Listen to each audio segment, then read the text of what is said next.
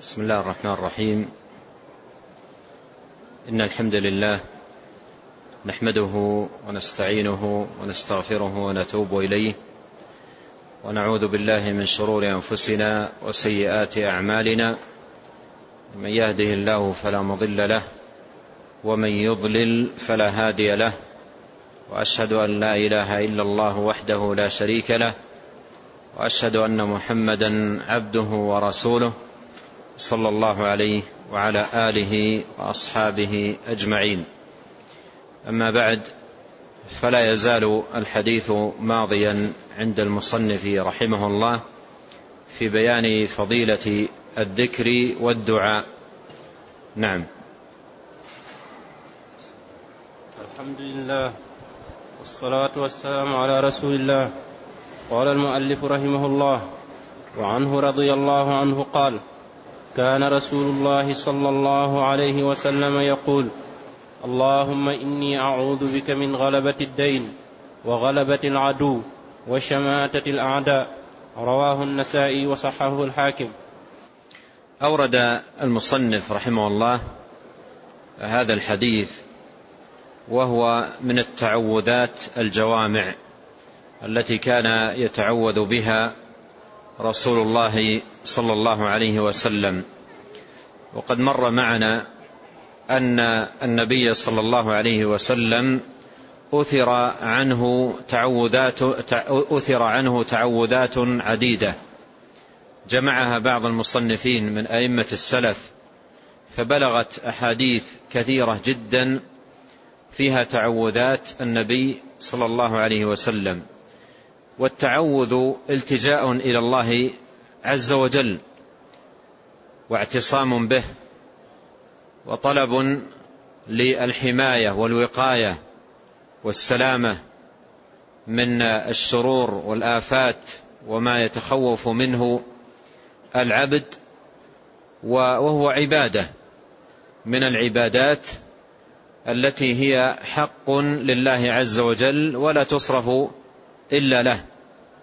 فالتعوذ عباده لا يلتجأ فيها إلا إلى الله عز وجل الذي بيده أزمة الأمور ومقاليد السماوات والأرض.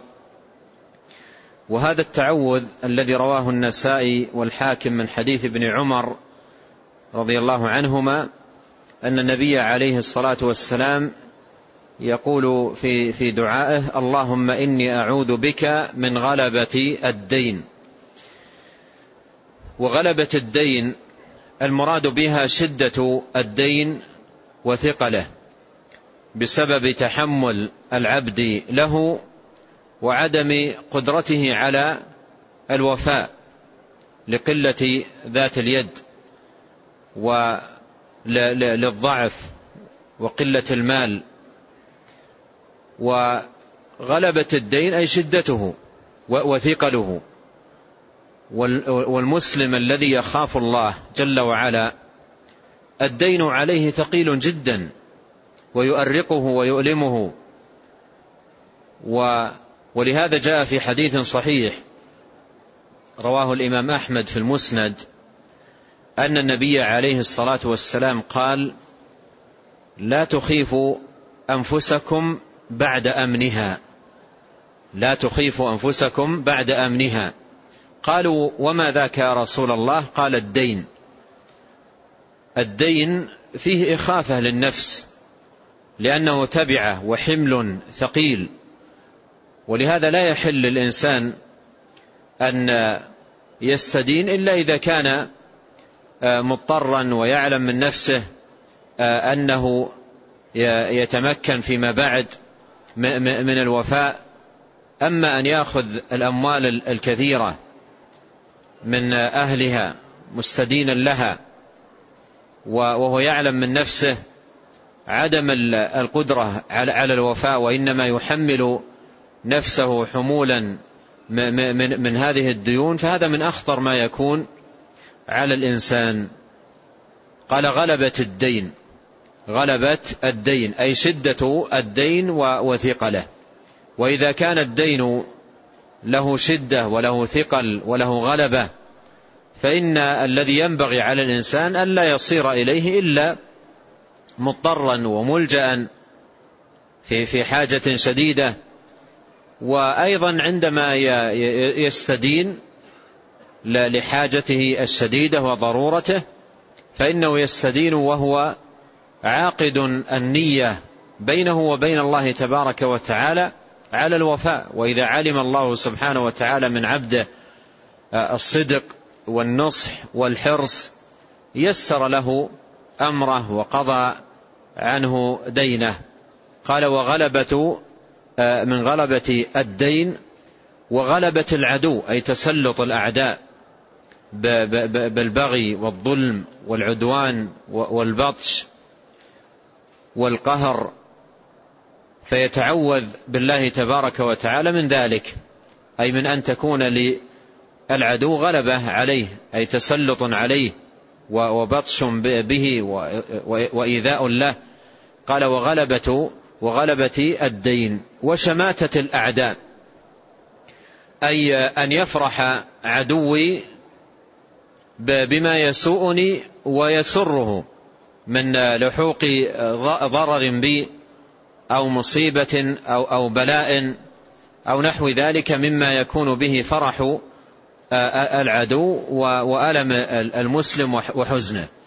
فهذا تعوذ من التعوذات المباركة العظيمة التي كان يتعوذ بها رسولنا صلوات الله وسلامه عليه. نعم. قال رحمه الله وعن بريدة رضي الله عنه قال سمع النبي صلى الله عليه وسلم رجلا يقول اللهم إني أسألك أني أشهد أنك أنت الله. لا إله إلا أنت الأحد الصمد الذي لم يلد ولم يولد ولم يكن له كفوا أحد. فقال رسول الله صلى الله عليه وسلم لقد سألت الله بالاسم الذي إذا سئل به أعطى. وإذا دعي به أجاب أخرجه الأربعة وصححه ابن حبان. ثم أورد هذا الحديث حديث بريدة رضي الله عنه أن النبي عليه الصلاة والسلام سمع رجلا يقول اللهم إني أسألك بأني أشهد أنك أنت الله لا إله إلا أنت الأحد الصمد الذي لم يلد ولم يولد ولم يكن له كفوا أحد. فقال رسول الله صلى الله عليه وسلم لقد سأل الله باسمه الذي إذا سئل به أعطى وإذا دعي به أجاب.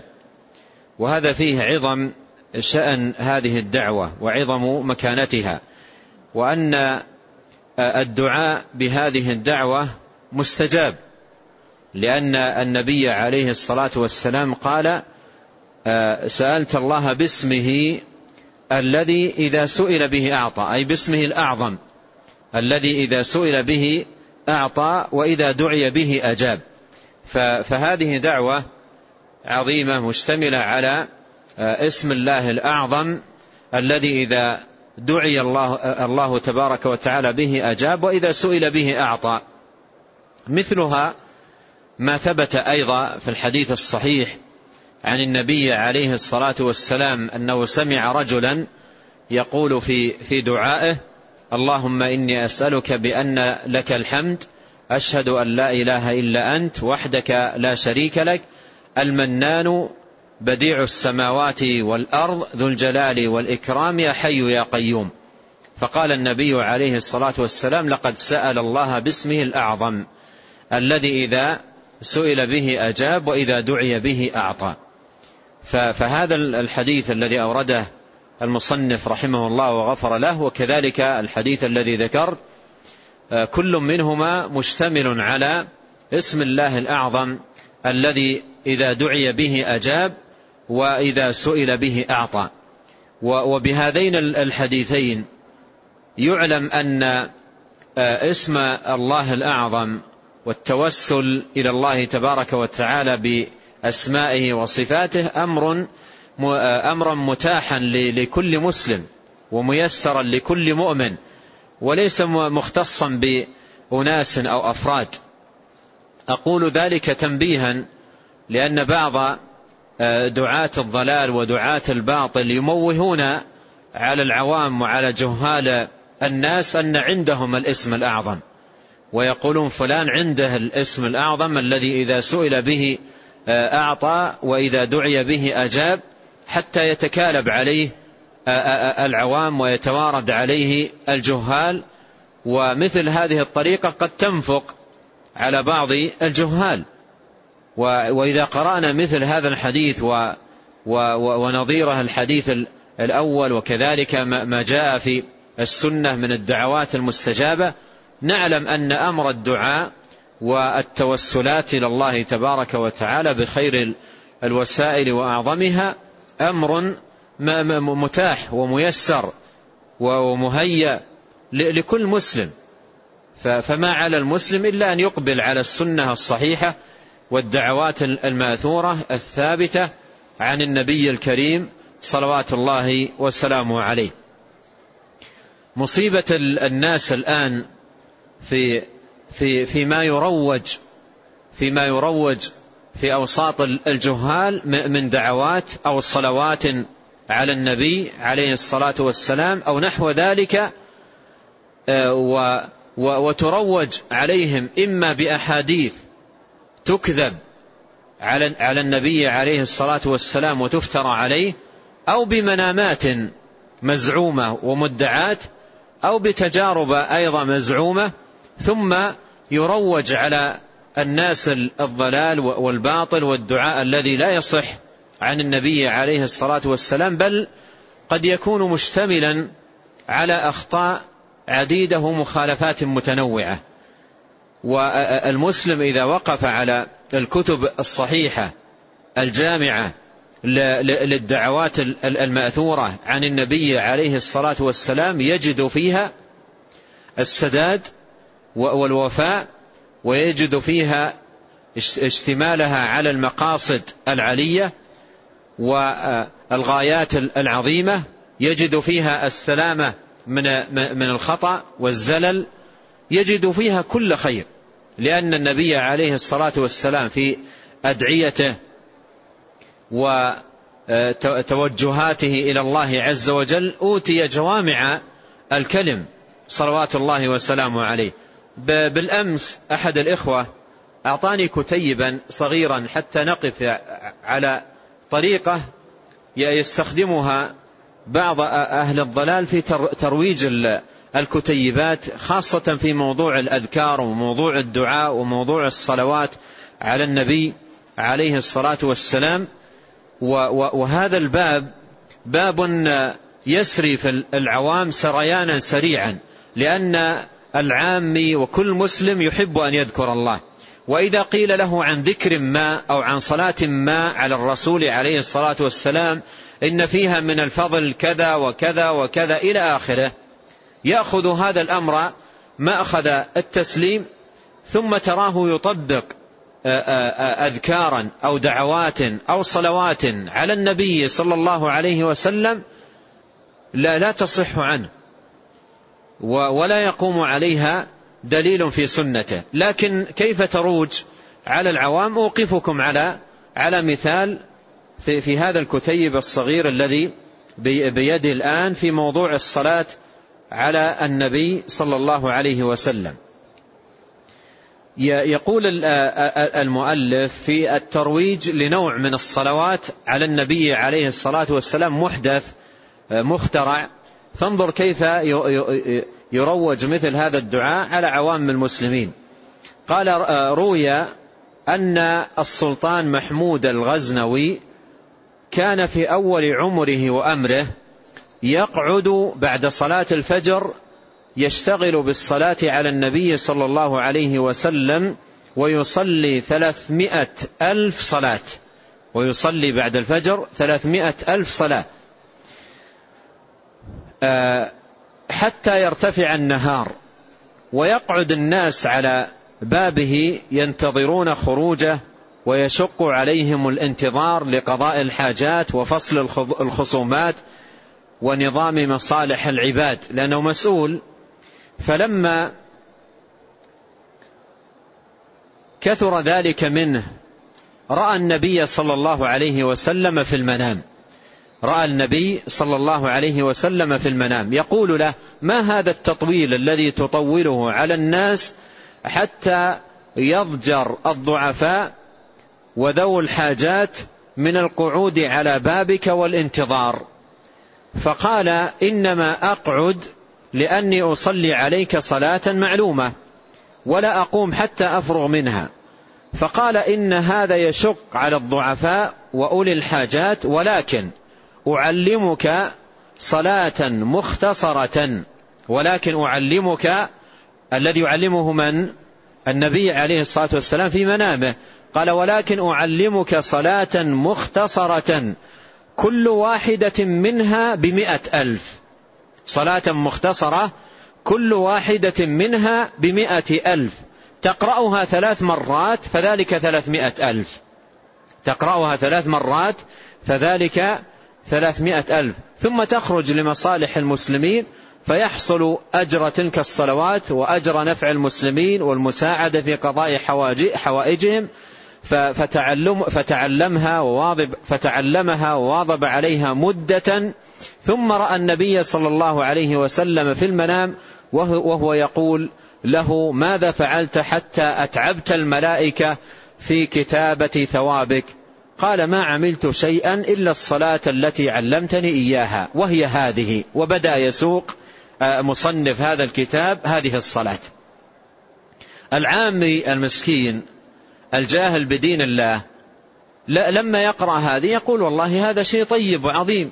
بدل ما أصلي ثلاثمائة ألف صلاة أصلي هذه الصلوات المختصرة آه، الصلاة المختصرة ثلاث مرات وتكون لي بثلاثمائة ألف. لأن, لأن كلا يطمع في الأجور العظيمة والثواب الجزيل فتروج عليه مثل هذه الأمور. أريحكم في هذا الباب. العلماء رحمهم الله ذكروا قاعدة مهمة جدا في مسألة تلقي الأحكام. قالوا المنامات تكون للبشارة وتكون للنذارة أما تلقي الأحكام فلا. يعني لا يمكن أن يؤخذ حكم من منام. لا يمكن أن يؤخذ حكم شرعي من منام. يتلقاه الإنسان من منامه سواء هو تلقاه من منامه أو شخص آخر ادعى أنه تلقاه من منامه. وهنا ننتبه إلى مصيبة عظيمة في مثل هذا الكلام. لو تتأملون معي في هذا الكلام أليس فيه طعنا في النبي عليه الصلاة والسلام من حيث إبلاغه للدين انتبهوا معي مرة ثانية. أليس في هذا طعنا في النبي عليه الصلاة والسلام من حيث إبلاغ الدين وبيانه؟ إذا كانت هذه الصلاة فيها هذا الأجر وفيها هذه المنزلة ولم يبينها النبي عليه الصلاة والسلام في حياته للأمة ولكنه اختص بها هذا الرجل وجاء وأخبره بها في منامه. أليس هذا فيه أليس في هذا شيء من الطعن في النبي عليه الصلاة والسلام أن يكون هناك أمور مهمة وعظيمة ويترتب عليها أجور جزيلة عند الله تبارك وتعالى تركها ومات دون أن يبينها حتى بينها لهذا الرجل في منامه. أليس في هذه أيضا مصادمة لقول الله تعالى اليوم أكملت لكم دينكم وأتممت عليكم نعمتي ورضيت لكم الإسلام دينا. فأمثال هذه الأمور نعم تروج على العوام وعلى الجهال. أما أهل البصيرة بدين الله ومن وفقهم لاتباع هدي رسول الله صلى الله عليه وسلم فإنها لا تنفق عندهم. الصحابة رضي الله عنهم أتوا النبي عليه الصلاة والسلام وقالوا يا رسول الله عرفنا كيف نسلم عليك فكيف نصلي عليك؟ قال قولوا اللهم صل على محمد وعلى آل محمد كما صليت على إبراهيم وعلى آل إبراهيم إنك حميد مجيد. وبارك على محمد وعلى آل محمد كما باركت على إبراهيم وعلى آل إبراهيم إنك حميد مجيد. وكان ناصحا أمينا ومبلغا وفيا صلوات الله وسلامه عليه. لو كان مثل هذه الدعوة أو مثل هذه الصلاة التي آه، يقررها هؤلاء صحيحة يترتب عليها هذا الأجر. أيتركها عليه الصلاة والسلام دون أن يبينها لأصحابه دون أن يبينها لأمته حتى يأتي زمان هذا الرجل فيأتيه في منامه ثم يخبره بها. ثم إذا قرأت هذه الصلاة تجد كلاما ركيكا ضعيفا لا يمكن أن يكون من كلام النبي عليه الصلاة والسلام وكلاما مطولا ومكرورا لا, لا, لا, لا يمكن أن يكون من كلامه عليه الصلاة والسلام. اللهم صل وسلم على سيدنا محمد وعلى آل محمد بعدد رحمة الله. إيش الكلام هذا؟ بعدد رحمة الله. اللهم صل وسلم على سيدنا محمد وعلى آل محمد بعدد فضل الله. اللهم صل وسلم على سيدنا محمد وعلى آل محمد بعدد خلق الله. اللهم صل وسلم على سيدنا محمد وعلى آل محمد بعدد ما في علم الله. ومضى بهذه الطريقة بعدد كذا بعدد كذا. هذا ما يكون في كلامه. عائشة رضي الله عنها كانت تقول كان عليه الصلاة والسلام يتخير من الدعاء جوامعه. يأتي بجوامع الدعاء وكوامله. أما مثل هذا التكرار ومثل هذا التطويل لا يوجد في أدعيته. عليه الصلاة والسلام لأنه كان يعلم الناس كوامل الدعاء وجوامع الدعاء وأوتي عليه الصلاة والسلام جوامع الكلم.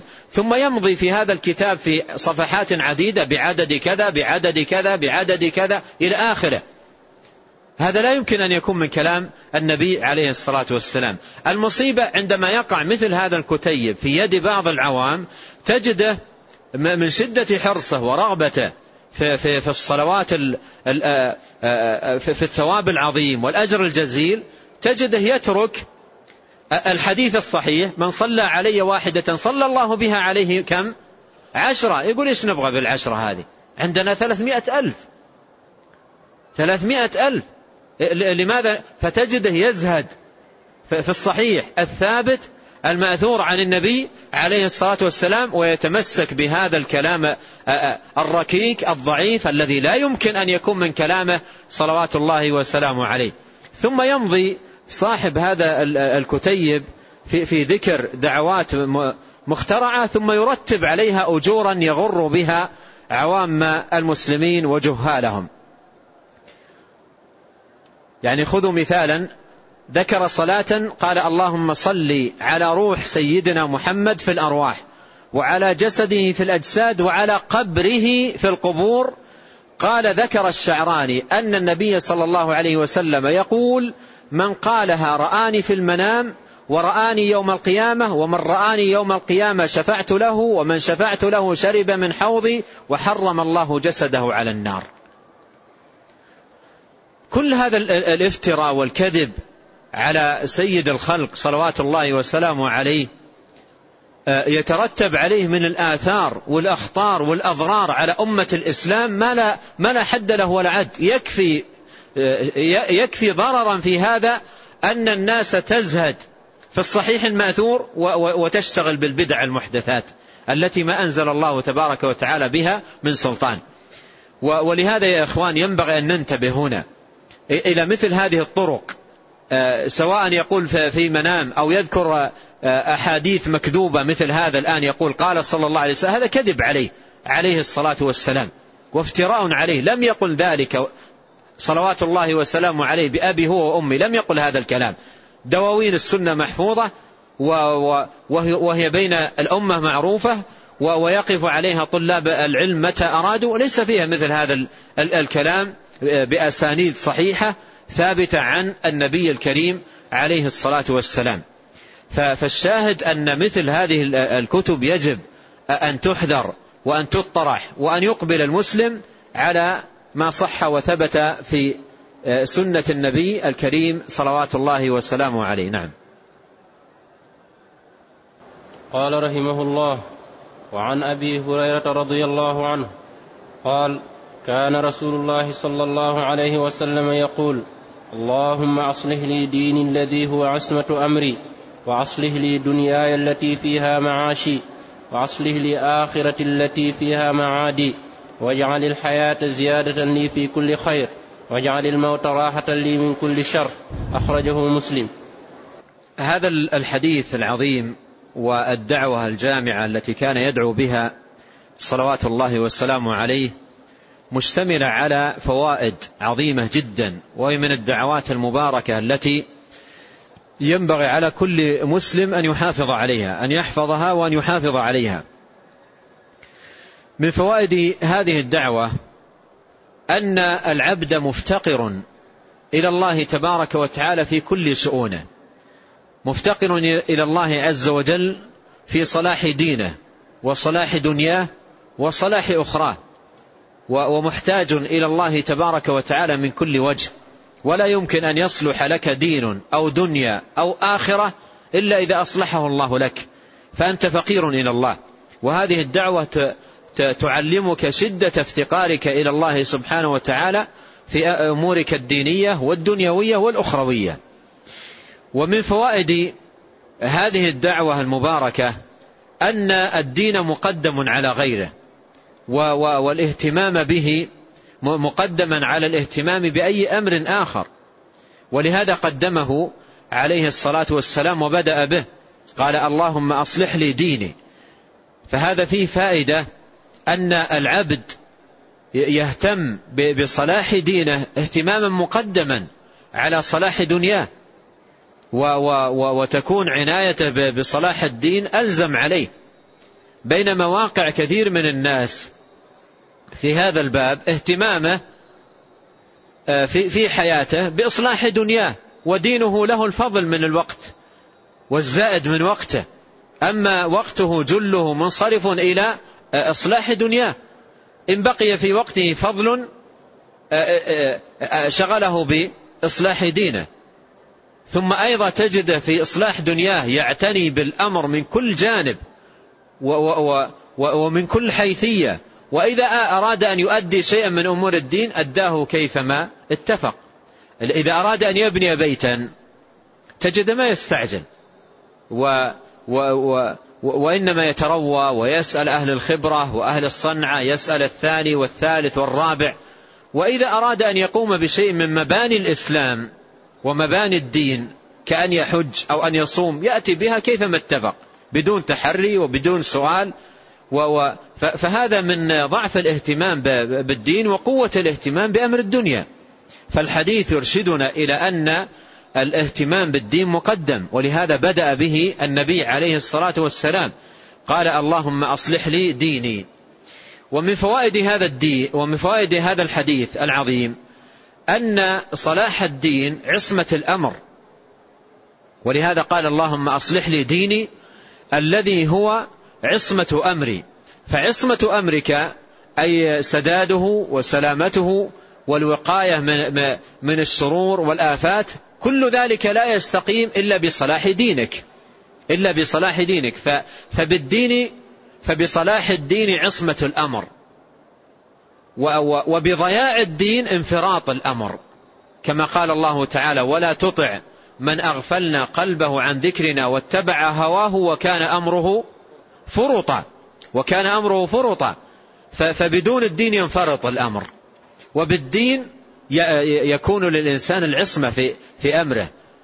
قال أصلح لي ديني الذي الذي فيه الذي هو عصمة أمري. عصمة أمر الإنسان قرارة طمأنينته سكونة التمام أحواله اجتماع شمله سكون قلب إلى غير ذلك كل ذلك إنما يكون بصلاح الدين. قال أصلح لي ديني الذي هو عصمة أمري. ومن فوائد الحديث أن أن الإنسان لا, لا, لا ضير عليه أن يهتم بدنياه.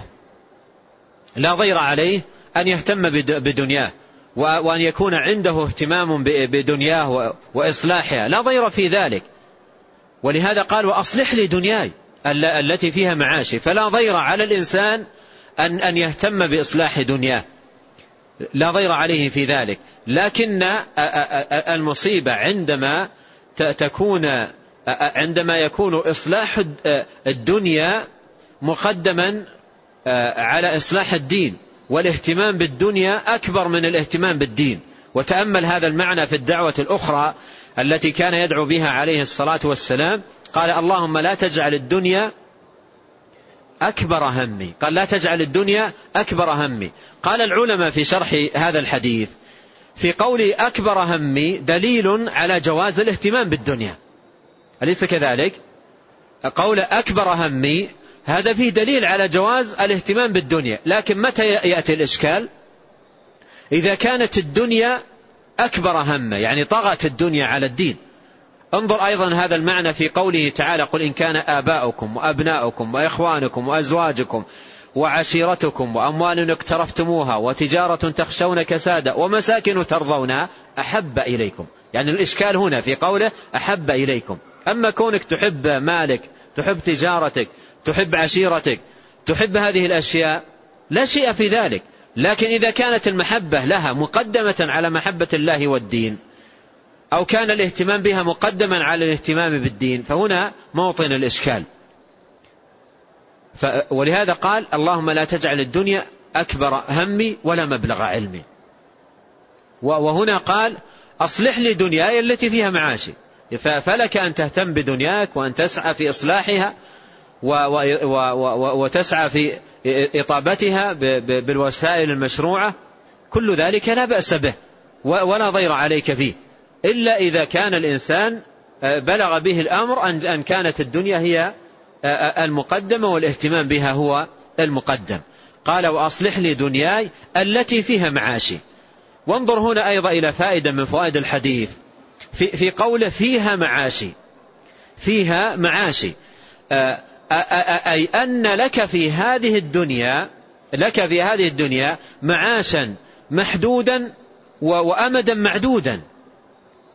لك معاش.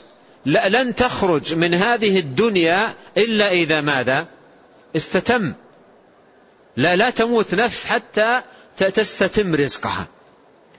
لا تموت نفس حتى تستتم رزقها. يعني لو بقي لك من الحياة شربة ماء كأس ماء تشربه لا لا تموت حتى تشربه. وقد جاء في في في حديث آه، ابن مسعود المعروف بحديث الصادق المصدوق. قال عليه الصلاة والسلام ثم يرسل إليه الملك ويؤمر بكتب أربع كلمات بكتب رزقه وأجله وعمله وشقي هو أو سعيد. فالإنسان له في هذه الحياة معاش كتب له ولن يموت إلا قد استوفى ما كتب له من رزق من طعام من شراب ولو كان شربة ماء أو كأس لبن.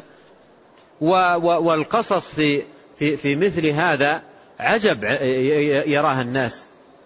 تجد أناس ينجو من الموت بتوفيق الله سبحانه وتعالى. نجاة ما ما يظنها الناس تكون لكنه ينجو لأنه لا يزال له له عيش. كتبه الله تبارك وتعالى له. وآخر على فراشه لا ليس به علة وليس به مرض وليس به آفة. وتم رزقه فتجد على فراشه يموت. صغير ليس بكبير. صحيح ليس بمريض. لأن رزقه انتهى ومعاش انتهى. فهذه لفتة أيضا في, في هذا الحديث. قال وأصلح لي دنياي التي فيها معاشي. قال وأصلح لي آخرتي التي فيها معادي. وهذا لفظ مسلم. قال فيها معادي. أي فيها عودي إلى الله تبارك وتعالى. وهذا فيه من الفائدة أن, أن, أن الإنسان راجع إلى الله.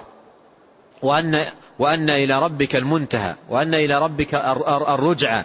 الرجعة إلى الله والمنتهى إلى الله والعود إلى الله وإليه المصير. المرجع إلى الله والكل سيقف أمام الله تبارك وتعالى. الآخرة هي الآخرة فيها العود إلى الله عز وجل.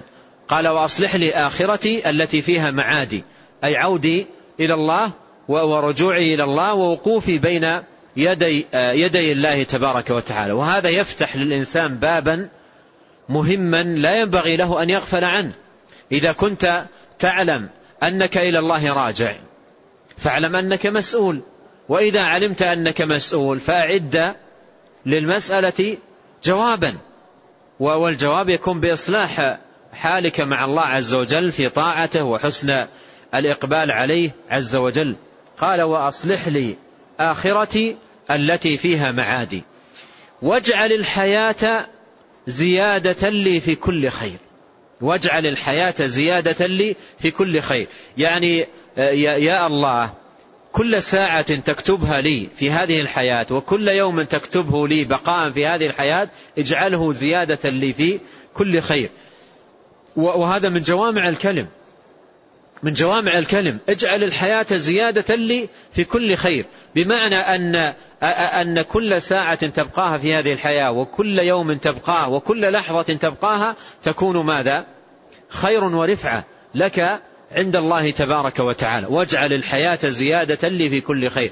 أي, أي أن يكتب لك فسحة في, في هذه الحياة ويكتب لك فيها خيرات وأعمال صالحة وحسن إقبال على الله تبارك وتعالى. قال واجعل الحياة زيادة لي في كل خير والموت راحة لي من كل شر.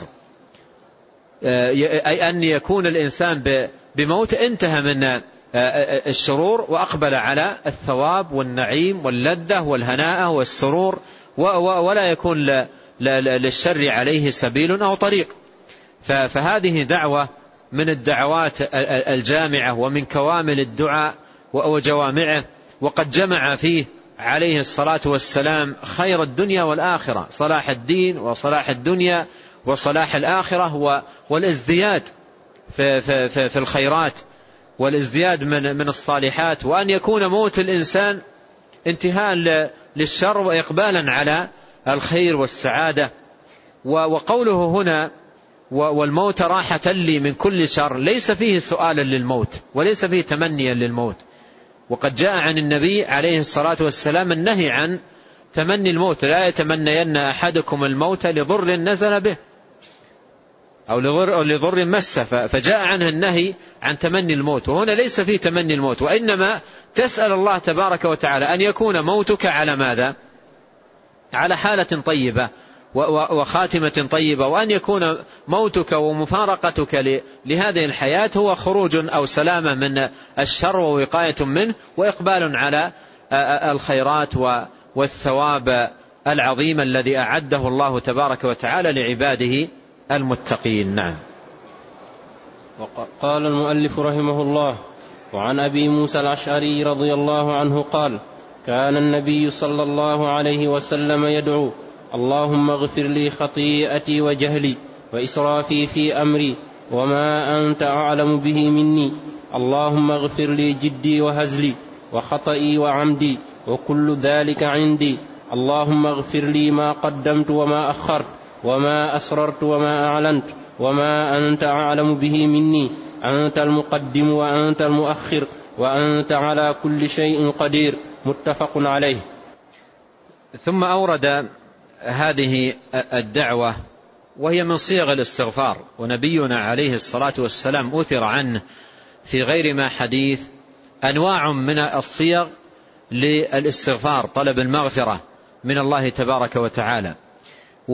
ولما كان مقام ولما كان مقام الاستغفار مقاما عظيما وهو توجه من العبد إلى الله تبارك وتعالى يطلب فيه الإقالة من العثرة وستر الزلة والعفو عن الذنب والتقصير. لما كان هذا المقام مقاما عظيما ومقاما يلحظ فيه العبد تنوع خطاياه آه، المتقدم منها والمتأخر آه، الذي صدر عن عمد والذي صدر عن خطأ الذي صدر عن علم والذي صدر عن جهل. أنواع من الخطايا وقع فيها العبد.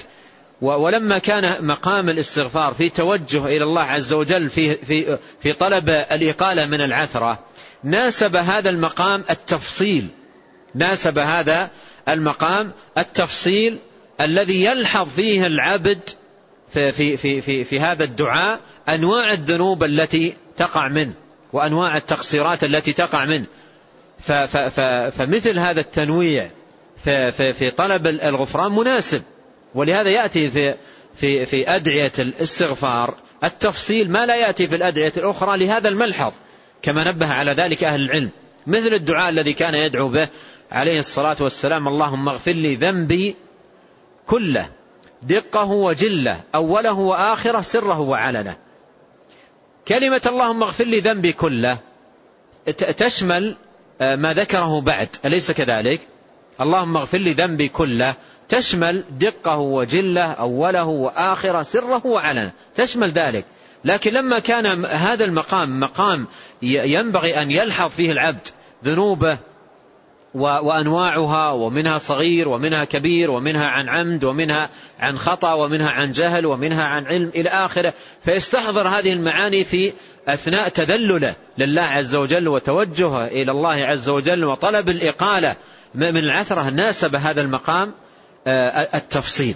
ناسب هذا المقام التفصيل.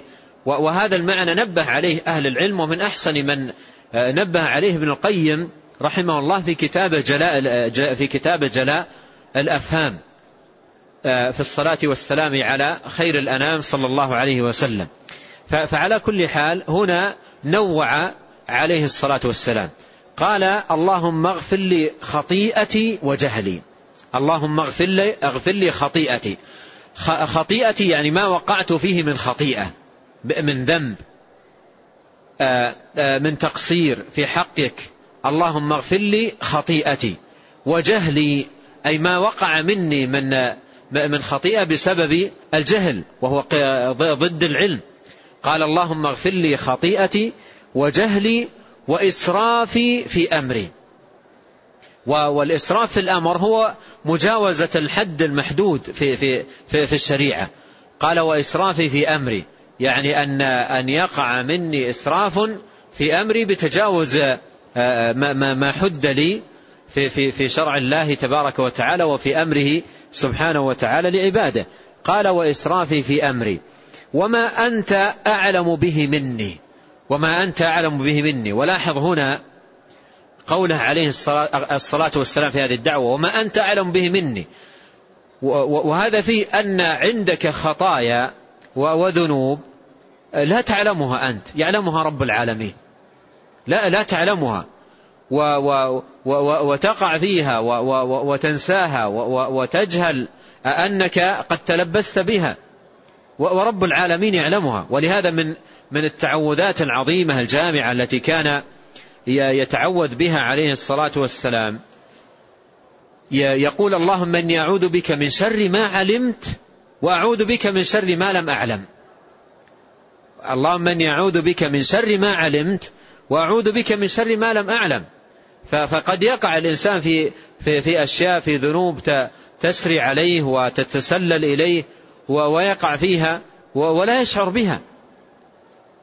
فقال وما أنت أعلم به مني. يعني من ذنوبي وخطاياي وتقصيري. وما أنت أعلم به مني. اللهم اغفر لي جدي وهزلي. الهزل ضد الجد. وخطأ الإنسان. إما أن يكون عن جد أو يكون عن عن هزل. يعني عن عبث أو عدم تقصد. هازل ليس بجاد في أمره. فيقول اللهم اغفر لي جدي وهزلي وخطئي وعمدي. قوله وخطئي وعمدي أي ما وقعت فيه من الذنوب عن خطأ يعني عن غير عمد وقصد وأيضا ما وقعت فيه من الذنوب عن عمد يعني عن تقصد. فاغفر لي ذلك يعني اغفر لي ما وقع مني من ذنوب عن عن عن عمد وعن غير عمد. غير العمد هو الخطأ. والذي عن عمد هو الذي في قوله عمدي. فاغفر لي ما كان مني من ذنب بعمد أو بغير عمد وكل ذلك عندي. وكل ذلك عندي. وانظر أيضا إقرار العبد بوجود هذه الأنواع من الذنوب العمد والخطأ الجد والهزل الإسراف والجهل إلى غير ذلك. كل ذلك عندي. يعني كل, هذا كل ذلك موجود عندي. وكل ذلك عندي أي موجود. كل ذلك عندي أي موجود عندي وقعت فيه. وهذا الاعتراف المتنوع هذا الاعتراف المتنوع بأصناف الذنوب الخطأ والعمد والإسراف والجاهل إلى آخره هذا بوابة التوبة وبوابة حسن الإقبال على الله تبارك وتعالى أن يقر العبد بشدة تقصيره وتنوع خطاياه. وتفريطه في جنب الله تبارك وتعالى قال وكل ذلك عندي. اللهم اغفر لي ما قدمت وما أخرت. اللهم اغفر لي ما قدمت يعني اغفر لي ذنوبي المتقدمة. وما أخرت أي اغفر لي ذنوبي المتأخرة. فعندي ذنوب متقدمة وذنوب متأخرة فاغفر لي ذلك كله. و وما أخرت قال وما أسررت. وما أعلنت ما كان مني من ذنوب صدرت مني على وجه العلن أو على وجه الخفاء والسر وكل ذلك عندي. وما أعلنت وما أسررت. وما أنت أعلم به مني. أعادها أيضا هنا. استحضارا آه، في في هذا الدعاء إلى أن العبد يقع في في ذنوب يعلمها رب العالمين ويجهلها العبد أو ينساها أو يغفل عنها. وما أنت أعلم به مني أنت المقدم وأنت المؤخر. أنت المقدم الأمر بيدك. من شئت قدمته ورفعته إلى عالي الدرجات ورفيع الرتب. ومن, ومن شئت أخرته. وهذا المعنى هو كقوله عز وجل من يضلل الله فلا هادي له. كقوله سبحانه وتعالى أفمن زين له سوء, سوء عمله فرآه حسنا فإن الله يضل من يشاء ويهدي من يشاء. من هداه الله فهو المقدم ومن أضله الله فهو المؤخر. والأمر بيده عز وجل. قال أنت المقدم وأنت المؤخر. ولاحظ هذا هذان الاسمان هنا في هذا المقام. ذكرهما في غاية المناسبة لأنك في مقام توسل إلى الله عز وجل تطلب تطلب في هذا التوسل إقالة من عثراتك التي تؤخرك. إقالة من عثراتك التي تؤخرك. وطلبا للرفعة بفعل الطاعات والعبادات والبعد عن الذنوب التي يحصل بها بماذا تقدمك. وهذا كله بيد من؟ بيد الله تبارك وتعالى. ولهذا ناسب ذكر هذين الاسمين. أنت المقدم وأنت المؤخر في هذا المقام للتوسل إلى الله تبارك وتعالى بهما في أن يقيه من أسباب التأخر والرجوع إلى الوراء بفعل الذنوب والمعاصي وأن يوفقه لأسباب التقدم والرفعة والعلو بالإقبال على طاعة الله سبحانه وتعالى والبعد عن الذنوب. قال وأنت على كل شيء قدير. الأمور كلها بقدرتك. فما شاء الله كان وما لم يشاء لم يكن ولا حول ولا قوة إلا بالله. وفي هذا المعنى يقول الإمام الشافعي رحمه الله في أبيات جميلة له يقول ما شئت كان وإن لم أشأ وما شئت إن لم تشأ لم يكن. خلقت العباد على ما علمت وفي العلم يجري الفتى والمسن. على ذا مننت وهذا خذلت وهذا أعنت وذا لم تعن. فمنهم شقي ومنهم سعيد ومنهم قبيح ومنهم حسن. الشاهد أن هذه الدعوة العظيمة المباركة التي هي في مقام الاستغفار. فيها تنبيه للمسلم أن مقام مقام الاستغفار من الذنوب يحتاج من العبد أن أن يلحظ أنواع الذنوب التي عنده. أن يلحظ أنواع الذنوب التي عنده. السر والعلن الخطأ والعمد الإسراف إلى آخره. يلحظ أنواع الذنوب التي عنده ويتوجه إلى الله تبارك وتعالى. هذا التوجه العظيم المبارك يسأله سبحانه وتعالى أن يغفر له ذنوبه كلها. قلت لكم فيما سبق أن كلمة اللهم اغفر لي ذنبي كله تتناول الجميع. أليس كذلك؟ تتناول الجميع. اللهم اغفر لي ذنبي كله تتناول الجميع. لكن لما كان هذا المقام يحتاج منك أن تستحضر أنواع الذنوب التي عندك و وتتوجه إلى الله عز وجل أن يغفر لك هذه الأنواع ناسب هذا المقام أن تنوع هذا التنويع الذي جاء في هذا الحديث وجاء أيضا في أحاديث أخرى ثبتت عن رسول الله صلوات الله وسلامه عليه. نعم. قال رحمه الله وعن أنس رضي الله عنه قال كان رسول الله صلى الله عليه وسلم يقول اللهم انفعني بما علمتني وعلمني ما ينفعني وارزقني علما تنفعني به رواه النسائي والحاكم. ثم أورد الشيخ رحمه الله هذا الحديث وهذا الحديث يتعلق بدعاء يتعلق بالعلم العلم الذي هو أساس السعادة وسبيل الفلاح في الدنيا والآخرة. والله جل وعلا أمر نبيه في القرآن أن يسأل الله عز وجل أن يزيده علما وقل ربي زدني علما. والعلم نور لصاحبه وضياء يميز به بين الخبيث والطيب والحق والباطل والهدى والضلال. قال تعالى أفمن يمشي مكبا على وجهه أهدى أم من يمشي سويا على صراط مستقيم. وقال تعالى أفمن يعلم أن ما أنزل إليك من ربك الحق كمن هو أعمى. وقال تعالى قل هل يستوي الذين يعلمون والذين لا يعلمون؟ العلم نور لصاحبه. العلم نور لصاحبه. يضيء له طريقة. يبصر به الجادة. يمشي به في الظلمات. والجهل ظلام. وضياع لصاحبه. ولهذا العبد يحتاج إلى العلم. والعلم منة الله على على عباده. وما أوتيتم من العلم إلا قليلا. وعلمك ما لم تكن تعلم. يمتن الله عز وجل على نبيه صلوات الله وسلامه عليه.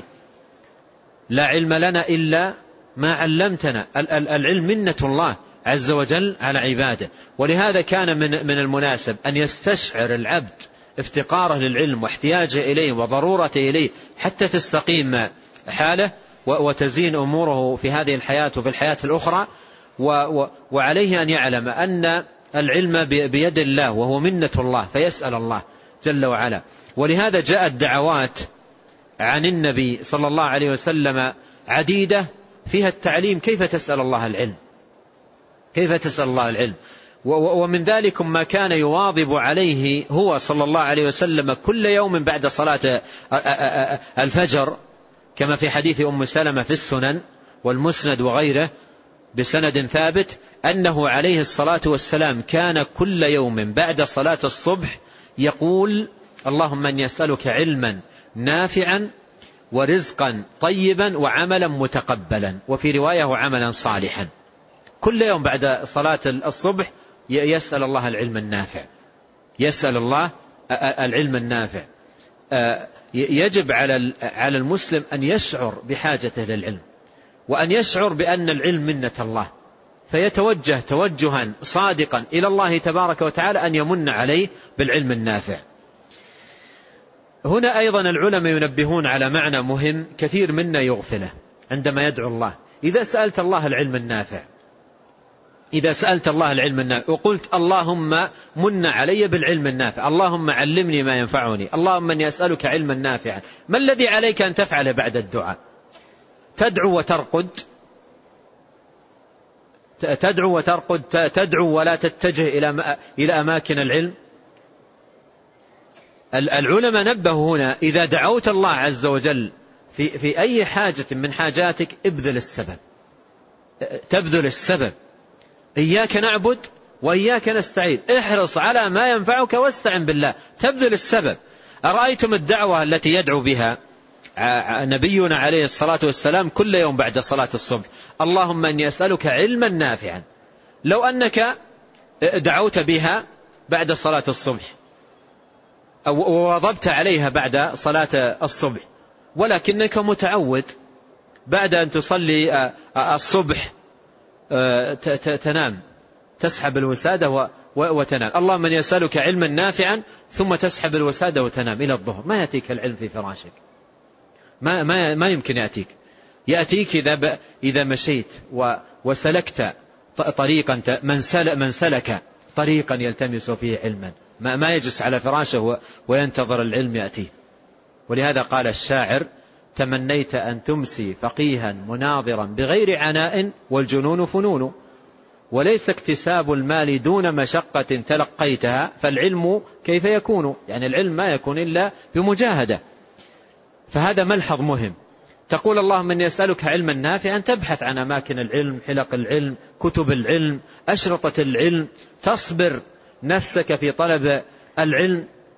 فتجمع بين صدق التوجه إلى الله عز وجل وحسن السؤال وفي الوقت نفسه ماذا؟ بذل الأسباب. والذين جاهدوا فينا لنهدينهم سبلنا وإن الله لمع المحسنين. هنا في هذه الدعوة قال اللهم انفعني بما علمتني وعلمني ما ينفعني وارزقني علما ينفعني. هذه الدعوة فيها سؤال الله العلم وفيها أيضا سؤال الله تبارك وتعالى الانتفاع بالعلم. قد يكون عند الإنسان علم نافع لكنه ماذا؟ لا ينتفع به. قد يكون عند الإنسان علم نافع ولكنه لا ينتفع به. قال الله في القرآن مثل الذين حملوا التوراة ثم لم يحملوها. قال العلماء في في معنى في معنى الآية حملوا التوراة يعني تعلموها عرفوها. ثم لم يحملوها أي لم يعملوا بها. ومقصود العلم العمل. قال علي بن أبي طالب رضي الله عنه يهتف بالعلم العمل فإن أجابه وإلا ارتحل. إذا كان الإنسان يتعلم ليتكثر من مسائل العلم وليس له مقصد في العمل والتوجه إلى الله عز وجل بصالح الأعمال فعلمه وبال عليه. وعلمه حجة عليه. والقرآن حجة لك أو عليك.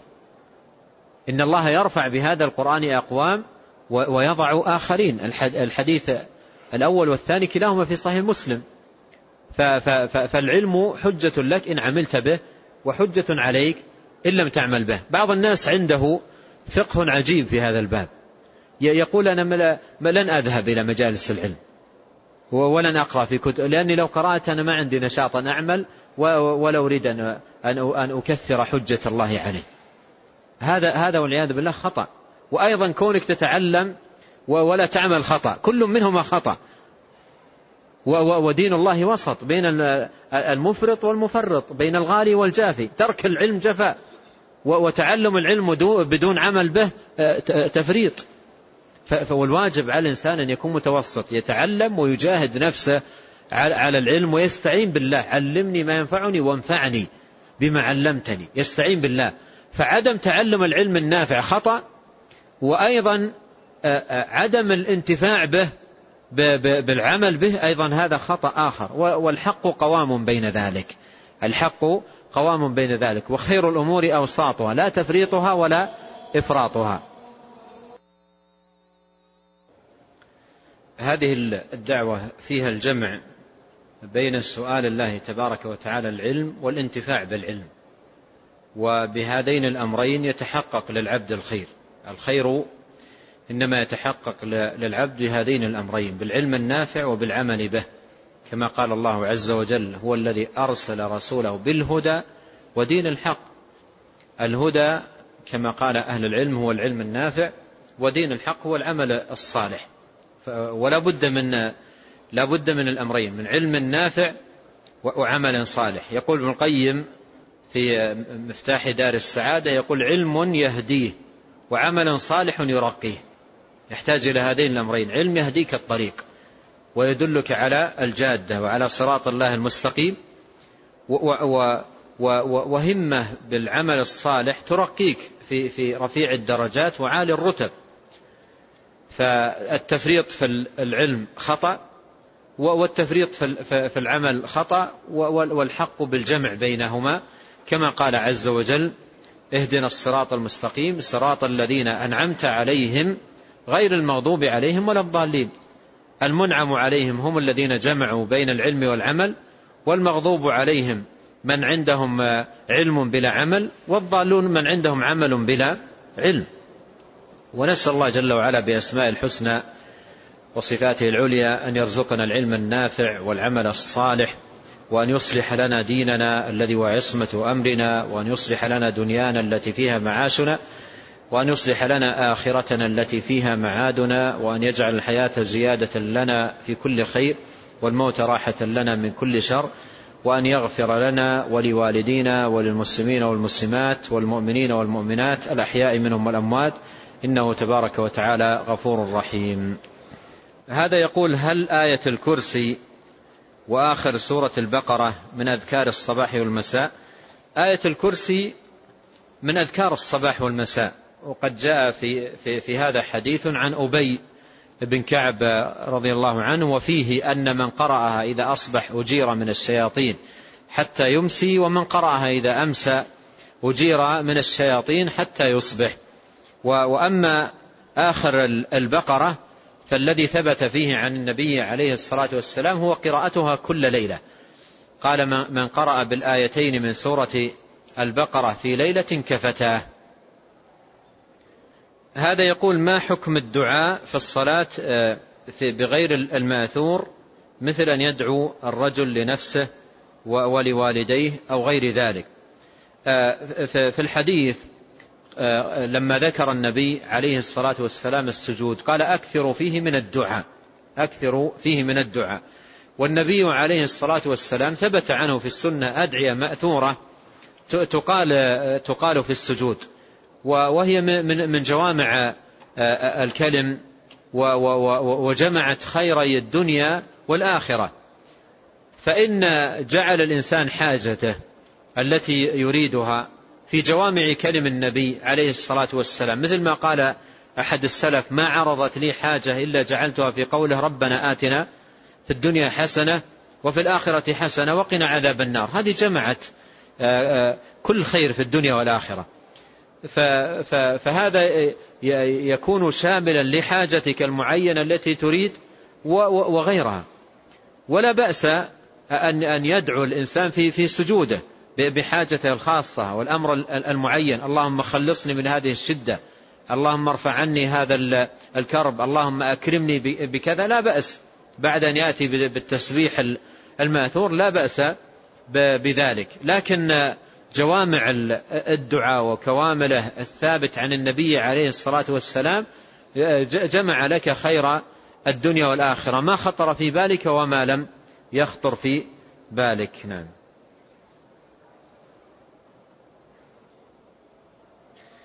هذا يقول أنا سأذهب لأداء العمرة غدا عن طريق الطائرة فهل أحرم من مطار المدينة أم بعد الإقلاع بخمس دقائق؟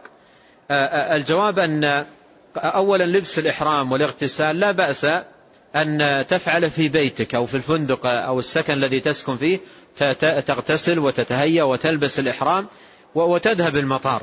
ولا تنوي من المطار وإنما تنوي إذا حاذيت الميقات إذا حادت الطائرة الميقات.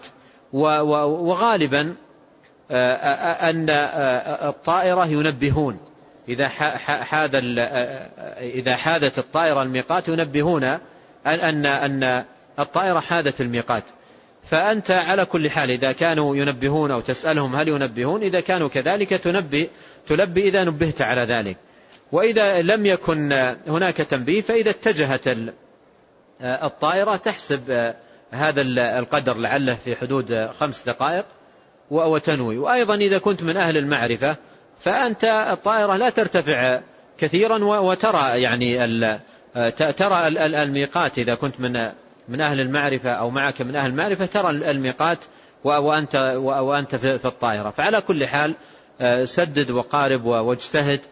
والغالب والله أعلم أن الطائرات ينبه فيها على محاذاة الميقات. والله أعلم. وصلى الله وسلم على نبينا محمد وآله وصحبه.